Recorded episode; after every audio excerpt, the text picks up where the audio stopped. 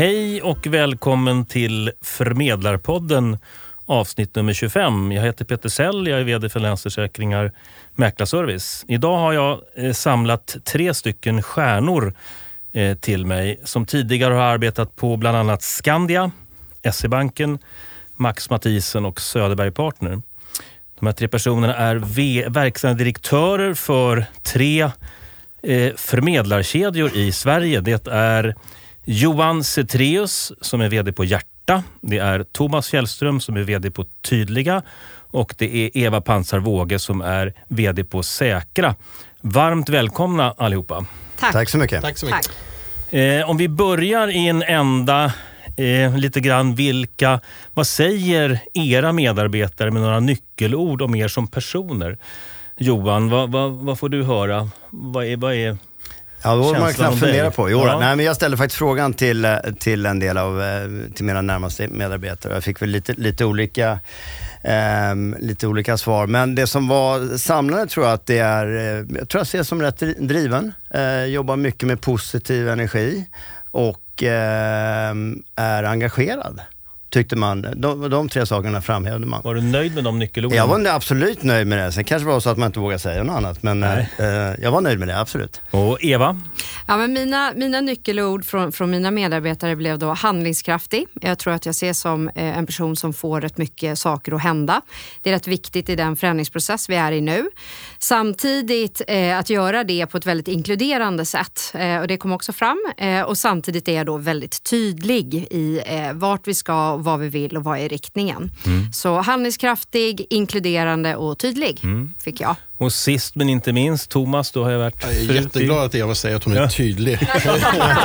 eh, nej, nej, men det är alltid svårt det här med vad man tycker och sånt där. Men man skulle kunna säga så här, jag tror att man säger att jag har en hög och bred kompetens. En ganska lång erfarenhet på marknaden. Jag är bra på att bygga bolag, affärsutvecklare. Jag ser möjlighet istället för problem. Det är väl de sakerna. Och, eh, det som de tjatar oftast på mig nu på slutet är att de tycker jag jobbar för mycket. De är mm. rädda om min hälsa. Så mm. det, det, är väl den delen, att jag, jag jobbar jobbar lite väl mycket. Jag känner ju eh, er tre sen, sen tidigare och, och, jag känner ju igen eh, orden också. Och ska man driva den här typen av verksamhet så behöver man nog ha flera av de kännetecknarna och de egenskaperna som beskrivs. Så att, eh, återigen varmt välkommen. Om vi tar visitkortet på de här tre organisationerna. Thomas, om du tar först tydliga vad är tydliga? Ja, det är, inte, det är inte alla som har hängt med där. Vi startade ju egentligen 2016, våren där i april. Eh, och och eh, ville starta en ny organisation och de flesta sa då att det här var omöjligt för det fanns redan så många utmanare där. Men i, vi ville skapa ett bra förmedlaralternativ för den fria förmedlaren som skulle värna om de här lokala förmedlarna runt om i landet. Då.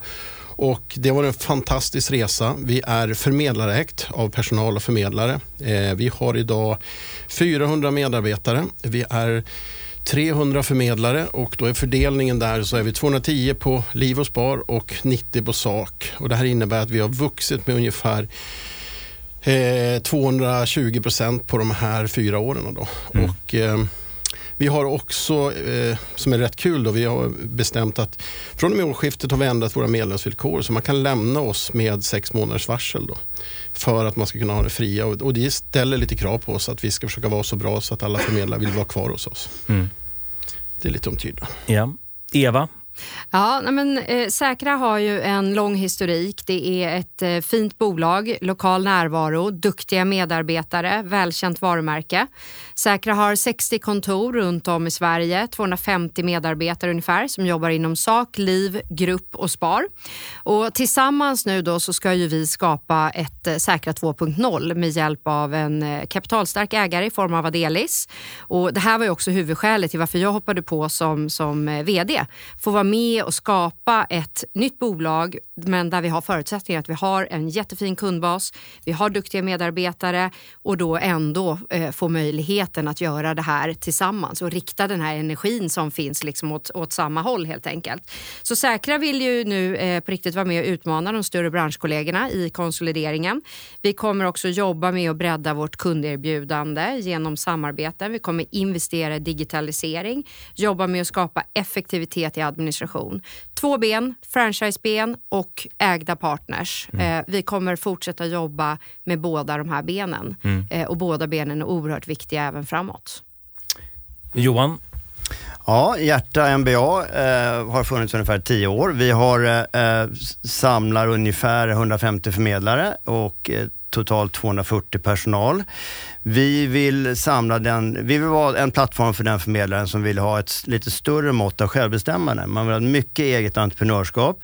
Man vill driva sin verksamhet själv. Man vill sitta på sin egen Affären vill man, vill man äga lokalt eh, och man vill ha ett rätt stort mått av självbestämmande. Samtidigt så vill man organisera sin part där man kan få mycket mervärden centralt ifrån i form av upphandlingar med mera och eh, framförallt en styrning kring ordning och reda och compliance, vilket vi tycker är viktigt. Så vi, vi samlar förmedlare eh, både inom liv, sak, eh, värdepappersrådgivning och gruppaffären. Eh, vi har en stark ägarbild. Vi ägs till majoritet av förmedlarna idag, men vi har två starka minoritetsägare i, i form av East Capital och Söderberg Partners som bägge två äger då 19,5 procent var. Eh, och det är ägare som vi tycker borgar för, dels är det ägare som kan vår bransch och sen så är det ägare som borgar för, för stabilitet och långsiktighet, vilket vi tycker är viktigt. Mm. Bra, om vi ska ta frågan då, eh, jag kan ta den med dig Johan först också, med, med förtroendet för våran bransch. Vi har ju funnits i, i, i många år, både försäkringsbranschen och bankbranschen och förmedlarbranschen som har funnits i 30 år. Liksom. Ja. Va, va, va, hur, hur är förtroendet för våran bransch?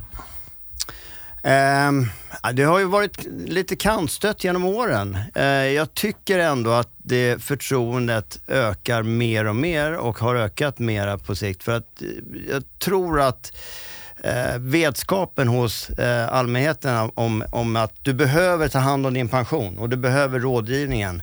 Den, det blir viktigare och viktigare. Det har aldrig varit mer centralt och, och det har aldrig varit mer så att um, vår roll har aldrig varit så viktig som den är nu. För folk måste ta hand om sin pension och sitt sparande eh, om man vill ha en dräglig pension i slutändan. Mm. Och den poletten tror jag börjar falla ner hos Om du skulle sätta skala 1 till 10, att 1 är lågt förtroende och 10 högt för vår bransch idag, var, var befinner vi oss då någonstans?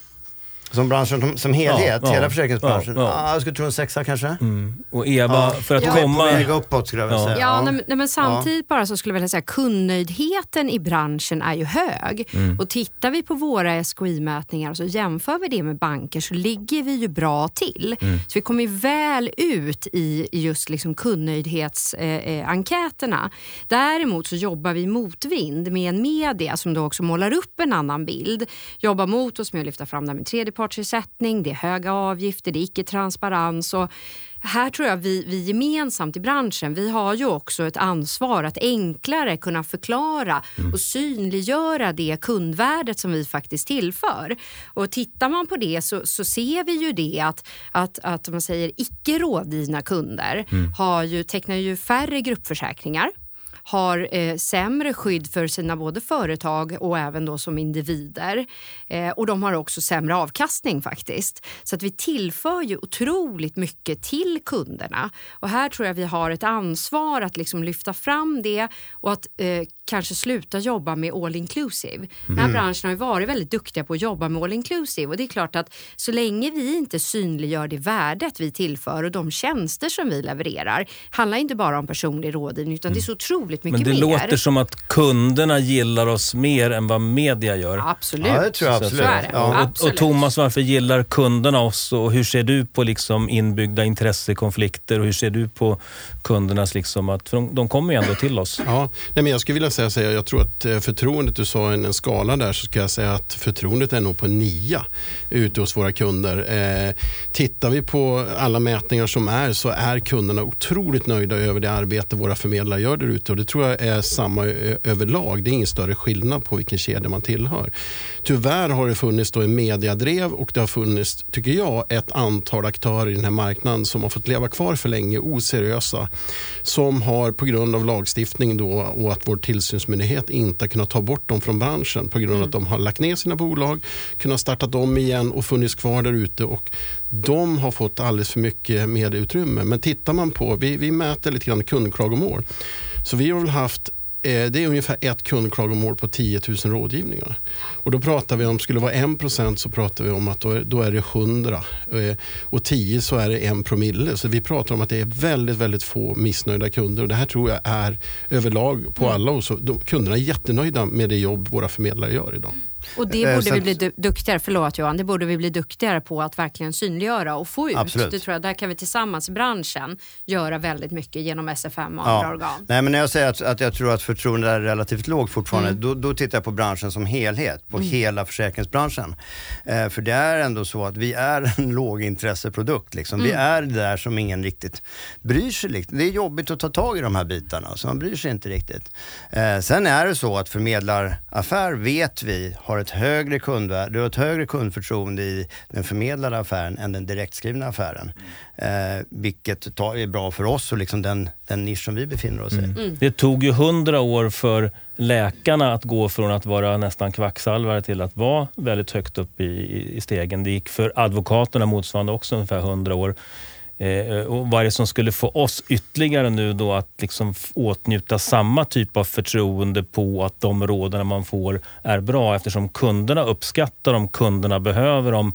Den här mediabilden, är det för att det är andra som är inne och, som förstör eller hjälper det nu med att vi har satt dit då Insuresec, att SFM driver frågorna? Men jag tror att det hjälper till en bit på vägen men jag tror att det, det ligger en del också i det som Thomas ju sa här att tyvärr har det funnits en del oseriösa aktörer som har fått fortsätta för länge och som, som har misskrediterat oss, eh, oss andra helt enkelt. Eh, det är ett problem tror jag. Eh, så att jag tror att vi behöver återigen då, så här, vi behöver jobba med att synliggöra det här, eh, vad vi tillför, vilket mm. värde vi tillför. Mm. Jag tror det är jätteviktigt och vi tillför ju väldigt mycket värde. Mm. Ni har ju varit alla tre länge i lite olika roller men ändå liksom sett den här förmedlarbranschen. Mm. Blev det ungefär som vi trodde 2020 om vi, när vi startade upp för 25 år sedan? Är vi ungefär där vi trodde att vi skulle vara? Oj. Uh, mm. Blev det? Jag tycker att det blev jävligt bra. Sen har det varit en liten krokig väg som sagt, men jag tycker att vi tillför ett väldigt stort värde till, alltså hade, hade det inte funnits förmedlare i marknaden så det hade, det hade ur kundens synvinkel varit eh, riktigt, riktigt dåligt. Så att jag tycker det blev bra. Sen äh, finns det alltid, lite grann som Eva var inne på också, det finns alltid lycksökare i en bransch som uppstår och det, det har gått att tjäna mycket pengar på, äh, på kort tid och så vidare. Så att, det är jag glad att vi, har, att vi har rensat bort och de krafttag som vi har tagit inom branschen. Så att, men på, på det stora mm. hela tycker jag att det blev bra. Mm. Liksom det, vi har ett stort kundvärde i det vi erbjuder kunderna. Jag ser någon, eh, en, en game changer som gör att eh, Eh, vi på något sätt i en lågintressebransch som ni ändå beskriver det som, eh, får till eh, olika incitament som gör att det blir fler som söker upp oss än att vi söker upp dem. Att kunderna liksom förstår det här. För behovet finns ju och det är vi som knackar på dörren och så. Hur, finns det någon game change som kommer förändra den här branschen i grunden? Ja, du vet, game change tror jag är verkligheten. Jag tror att, på, som sagt, ju mer det skrivs om fattigpensionärer och så vidare och hur tufft det är om du inte tar, tar ett eget ansvar kring din pension, ju mera förstår folk att de behöver hjälpen. Och Det är också så att jag menar, staten har ju knuffat det här ansvaret ut till arbetsgivarna och ut till individerna utan att egentligen individerna har varit medvetna om det ansvaret som de har liksom fått på sina axlar. Och det här tror jag det här tror jag också är någonting som faktiskt börjar komma mm. upp nu och som är oerhört viktigt. Sen skulle jag bara vilja flika in där för att för jag tror att förmedlingsbranschen, vi, vi förmedlare, det vi har skapat, det är ett mångfald mellan försäkringsbolag och valmöjligheter och det i sin tur har ju lett till en konkurrens. Och konkurrens Konkurrens i sin tur är väldigt positivt ur ett kundperspektiv. Så jag skulle bara vilja säga att jag, jag tror ju de här, om vi tar de här 30 åren så har förmedlare tillfört väldigt mycket till kunder. Eh, den här klyschan om liksom är digitaliseringen game changer? Eh, I vår bransch så skulle jag nog säga eh, nej, i alla fall när det gäller rådgivning. Otroligt många som har försökt och som försöker och det är svårt att komma helt igenom därför att det är väldigt komplext och det är stora viktiga beslut som man ska fatta. Oavsett vi pratar om sak eller liv och pension så är det ju väldigt få som väljer att teckna sina försäkringar eller tar sin rådgivning genom en robot. Eh, så att jag tror inte att det är digitaliseringen, eh, även om den eh, skapar stora fördelar liksom på administrationssidan och annat.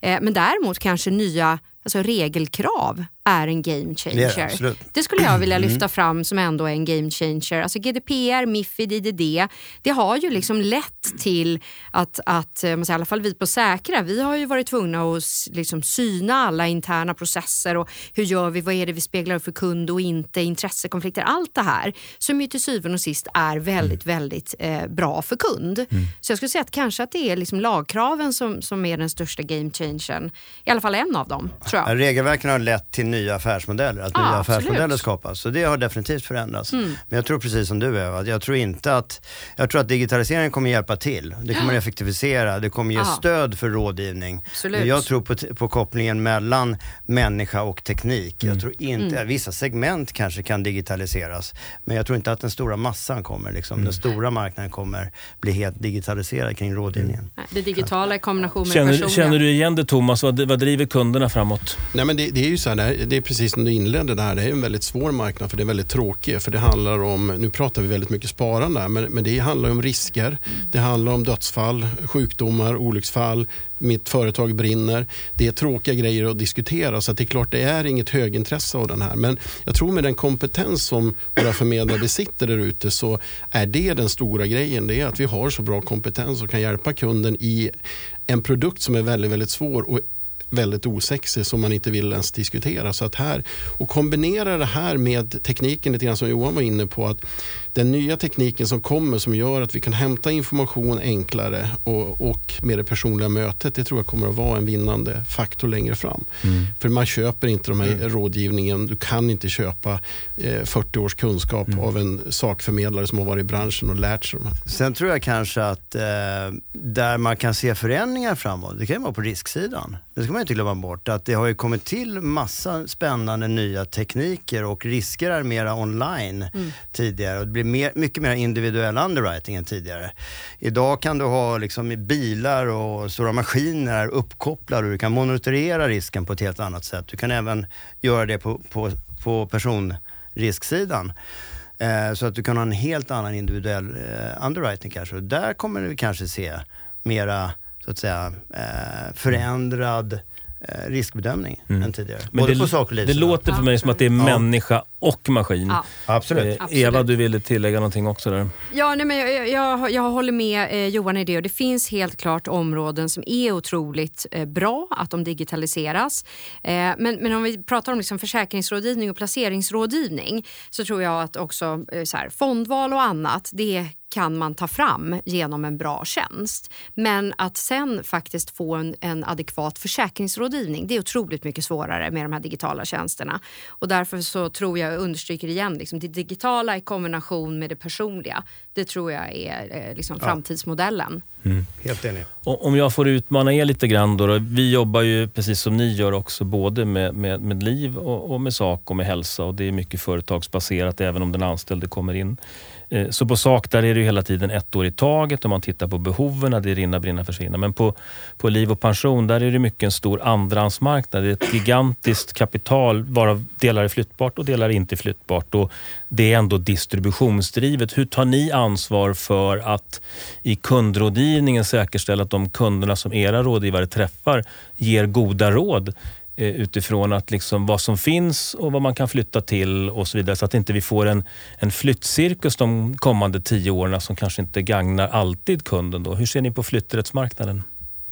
Jag kan ta en, ja, lite grann så kan man säga. Det ena är att ha bra stöd, bra jämförelseverktyg, att kunna illustrera hur den här kan slå då med, med form av avgifter, kostnader och sånt där för en kund så att han kan fatta ett bra val. Eh, sen tror jag också det här med flytten, när vi nu lanserar vår nya flexplan så kommer vi då att eh, se till att flytt inom planen ska det inte vara några ersättningar till förmedlaren och det ska inte heller vara eh, vad heter det, någon större flyttavgift utan den kommer att ligga på max 500 kronor då, för att inte främja flytten. Däremot så när man flyttar in från utifrån kapital och sånt här så ska det finnas då någon form av ersättning. Då. Mm. Men det kommer att bli mer transparent tror jag också i framtiden. Eh, mindre provisioner och mer om man tar betalt av kunden. Det är väl den stora ändringen som vi ser. Mm. Mm. Ja, vi har gjort samma sak i vår nya hjärtaplan Infinity som den så vackert heter. Eh, där har vi också eh, sett till att liksom stävja flytten inom planen. Eh, så att, eh, eh, men sen så flytt är ju, jag tror att flyttmarknaden kommer att öppna upp mer och mer. Och eh, vissa flyttar är absolut motiverade och ska definitivt göras. Men sen så finns det flyttar som absolut inte ska göras. Mm. Så där gäller det att ge ett tydligt regelverk kring mm. vad, vad som gäller. Mm. Till syvende och sist så är det upp till, till rådgivaren, men det gäller att styra upp så mycket som möjligt. Och det är väl lite det som jag har känslan av att vi är ute efter också. Att gemensamt ha någon form av moralisk kompass när vi jobbar med kunder. Verkligen. Att man hela tiden funderar på vad är ja. bra för kunden. Och, och, och, och sen vill vi ha in så mycket som möjligt i, i vår nya plan. Dessutom för att vi tycker att det är viktigt där. Eh, den är gjord enligt konstens alla regler, enligt IDD och allting sånt. Och där, som sagt, där finns det inga incitament till fulflyttar så att säga. Mm. Nej, oavsett eh, incitament eller inte så tror jag att det är otroligt viktigt i den här frågan att man hela den här tiden har kunden för ögonen och att man har processer och rutiner och det säkerställer vi nu att vi har där man tittar tittar på de här flyttarna och ser, är det till kundnytta eller är det inte det? Eh, och där tror jag det är viktigt, oavsett om det är inom eller utom plan, så mm. har man liksom samma sak för ögonen i organisationen och det är hela tiden kund. Jag tror också att flyttarna kommer att öppna upp, jag tror att det kommer eh, minska i ersättning på flytt. Samtidigt så är det ju självklart i många fall intressant för kunden att flytta. Men då är det det som ska vara skälet till att man gör flytten mm. och det ska inte vara något annat skäl. Så mm. den är jätteviktig. Mm. Alltid kundvärde. Alltid, alltid, alltid, alltid. Ja. ja. Och det ska man kunna påvisa. Eh, det tycker jag är superviktigt. Mm. Bra. Eh, om vi tittar framåt och ställer sig frågan försäkringsförmedlarens framtida roll. Vad kommer de sluta att göra på tio år och vad kommer man börja att göra eller göra mer av? Jag ställer frågan varje gång jag träffar både enskilda förmedlare och ledande personer därför att man får liksom nyanserna på svaret. Liksom. Vad, vad, vad, titta tio år framåt, vad, vad, vad, kommer man, vad blir förmedlarens liksom framtida roll i, i, i förändring?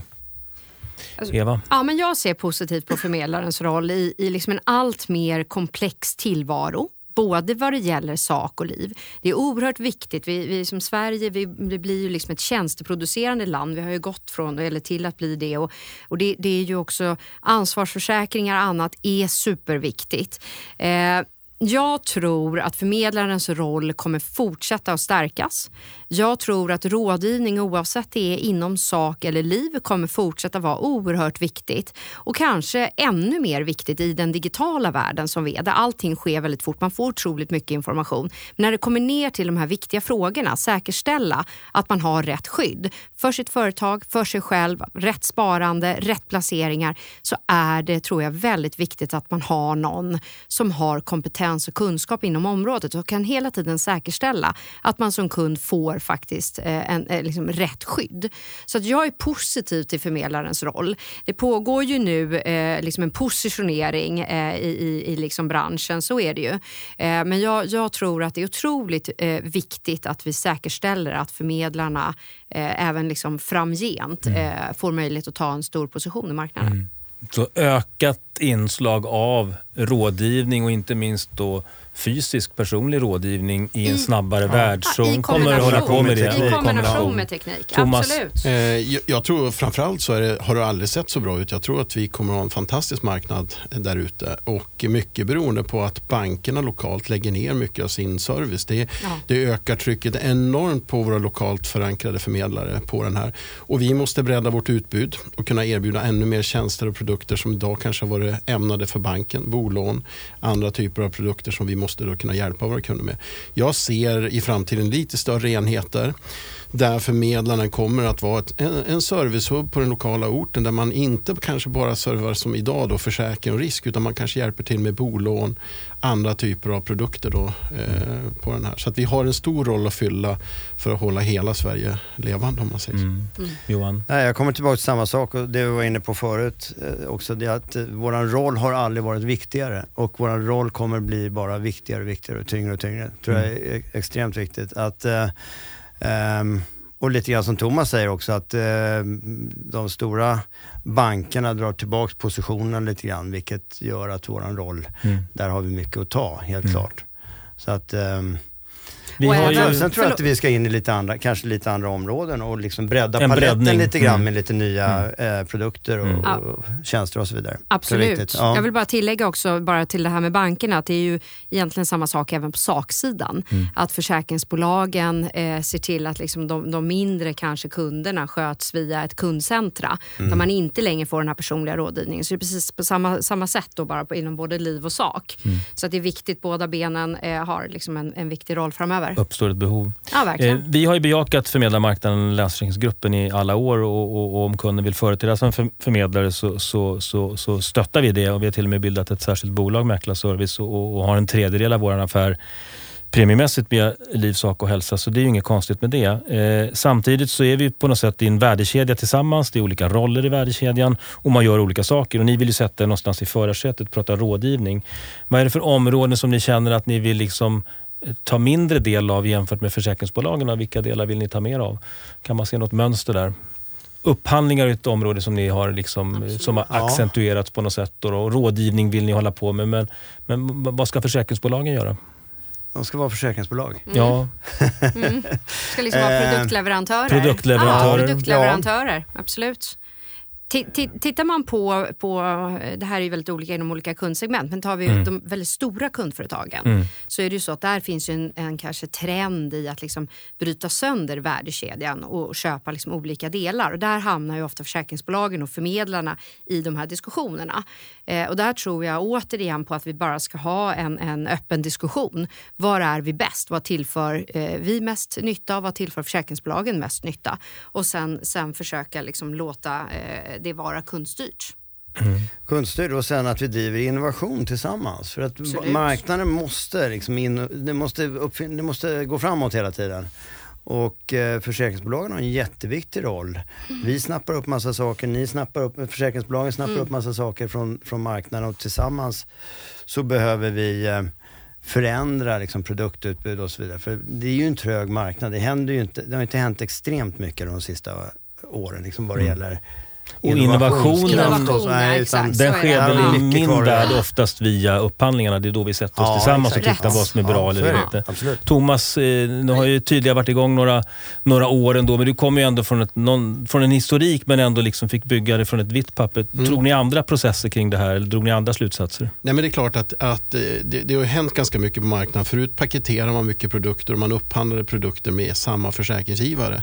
Eh, det var ju vanligt att när man gick ut och upphandlade, när jag började i branschen så upphandlade man en gruppförsäkring. Så då var det Trygg Hansa och det var på den tiden var det Skandia och de här. Och så köpte man hela paketet. Men det har ju brutit sönder idag så att nu upphandlar man ju då och tar de bästa produkterna i respektive bolag. Och det tror jag kommer att fortsätta. Framförallt på små enkla produkter så kommer vi att paketera dem och se till att ta betalt av kunden och, och göra det här tråkiga jobbet. Och ändra direkt åt kunderna och sen blir då eh, på små enkla produkter blir försäkringsbolagen, försäkringsbolagen ska leverera bra skadereglering egentligen. Och att vi tar hand om den här servicen, backoffice lite grann. Det, det, tror jag kommer mer och mer och vi bygger system för att hantera det. Göra det enkelt för kunden. För vi sitter ju då med att kunden har fem eller sju bolag. Mm. Och då blir det väldigt jobbigt och då måste vi ha en process där vi väldigt enkelt kan göra de ändringar till alla sju mm. på en gång. Mm. För att våra förmedlare ska överleva och inte få så mycket administration. Mm. Men det, jag, jag ser, det finns en stor marknad men bolagen kanske ska göra det de är bäst på och lämna vissa produktområden där man känner att här har vi kommit in bara för att ha den. Mm. Och lämna den och fokusera mm. på kärnmarknaden. Mm. För historiskt sett har ni varit rådgivare och så vill ni i någon mening bli paketerare och ibland också producenter ja. och så pågår en ständig dialog kring det. Och det ska landa i att det är bra för kunden, mm. det är bra för kunden, er kunden, och det är bra för oss. Vi får jobba vidare med det. Alla. Mm. Om vi tar lite avrunda här då med, med utmaningar framåt, för ni träffar era respektive organisationer också. Det som är hemligt är hemligt, men det som ni ändå vill förmedla, vad står på vad står, Eva, Eva, vad står på mm. din agenda? Vad står på Säkras agenda? Vilka utmaningar liksom på lite kortare sikt också? Vad är det som ja. ni vad kommer hända och säkra närmaste året? Ja, men vi, vi ska ju egentligen eh, bygga ett nytt bolag, fortfarande med fina medarbetare och bra kunder, men sett i en helt ny struktur där vi går från en franchiseorganisation och köper in då ungefär 70 procent är det utav bolagen som, som liksom blir inköpta partners. Eh, så vi kommer ju eh, försöka utveckla Säkra, leva med den här gruppen. Franchise fortsatt otroligt viktigt för Säkra. Vi vill att attrahera nya förmedlarbolag, komma till oss. Vi tycker vi har det bästa av två världar med franchise där man kan bygga upp sin affär för att sen säkra, eh, köp, alltså, gå in i Säkra om man då vill sälja in sitt bolag och, och få hjälp med succession eller mm. annat. Eh, vi kommer att satsa oerhört mycket på compliance, digitalisering, mm. utveckla vårt kunderbjudande och även liksom centralt gå från att vara en liksom supporterande organisation till att bli en liksom väldigt affärsdrivande mm. organisation. Och var Så, hittar ni människorna i den agendan om ni har tillväxtambitioner och vill bli fler? Var kommer ni hitta dem någonstans? Nej, men det är ju så att det finns ju eh, väldigt många fristående sakförmedlare där ute, ungefär 200. Eh, och det finns eh, många fristående livförmedlare fortfarande där ute. Så mm. det är självklart eh, därifrån. Mm. Eh, och sen så är det ju så, det är ju ingen hemlighet, utan vi alla mm. tre mm. vill ju självklart växa. Så mm. är det ju. Mm. Så att vi är ju väldigt mycket på, på samma typ av eh, förmedlare där ute och pratar med dem för att attrahera dem in till liksom våra bolag och också kunna berätta vad är USParna hos oss? Mm. Vad är säkrandan? Vad står vi för? Vad är mm. viktigt? Mm. Tack. Johan? Eh, ja, samma sak fast annorlunda. Så att säga. Tillväxt, tillväxt, tillväxt. Mm. Vi har varit inne i en fas. Jag, jag kom in i, i, i somras och sen dess har vi jobbat mycket med erbjudandet, se till att vi lyfter upp, får fram alla mervärden och liksom får verktygslådorna hundraprocentiga. Och nu är vi inne i en tillväxtfas där vi eh, ska växa och vi har börjat växa så att vi har... Vi, eh, har är ambitionerna olika mellan liv och sak? Nej, vi vill växa både är precis, samma, precis lika. Vi har tillväxtambitioner mm. bägge två. Vi är ju rätt små på sak idag. Så att det är klart att vi har ett, eh, en stor tillväxtpotential mm. i eh, sakaffären. Eh, men det är tillväxt, tillväxt, tillväxt. Mm och hittar rätt typ av förmedlare. Vi är väldigt måna om att vi tar in rätt typ av förmedlare. Mm. Mm. Eh, vi ska vara den aktören som jobbar mot den, den små och medelstora marknaden. Vi går inte efter de allra största bolagen, utan vi, alltså på kundsidan. Mm. Utan vi bygger vår position utifrån en lokal förankring, jobbar mot små och medelstora bolag. Eh, och, eh, så att där driver vi eh, konsolidering så mycket vi kan. Mm. Och Thomas, då får du också ja, alltså, berätta om vad som står på din eh, agenda. Vi kan väl säga så här, vi tycker att vi har ett fantastiskt erbjudande, ett koncept som har visat sig väldigt framgångsrikt och vi har vuxit, det blir mer än 33 procent varje år. Vi kommer att fortsätta, vi har satt ganska stora mål på att fortsätta öka på i den här takten. Eh, vi kommer att satsa mycket mer på storkund. Vi har varit väldigt dåligt där så att vi eh, satsar nu på storkund både när det gäller eh, sak och liv där vi då ska bli en aktör och då får vi ta in kompetens även utifrån då för att bli den här aktören. De stora utmaningar vi ser det är väl framförallt generationsskiftena. Eh, tillgång till personal på vissa orter. Alltså det är svårt att hitta förmedlare lokalt på vissa områden. Det utbildas ingenting.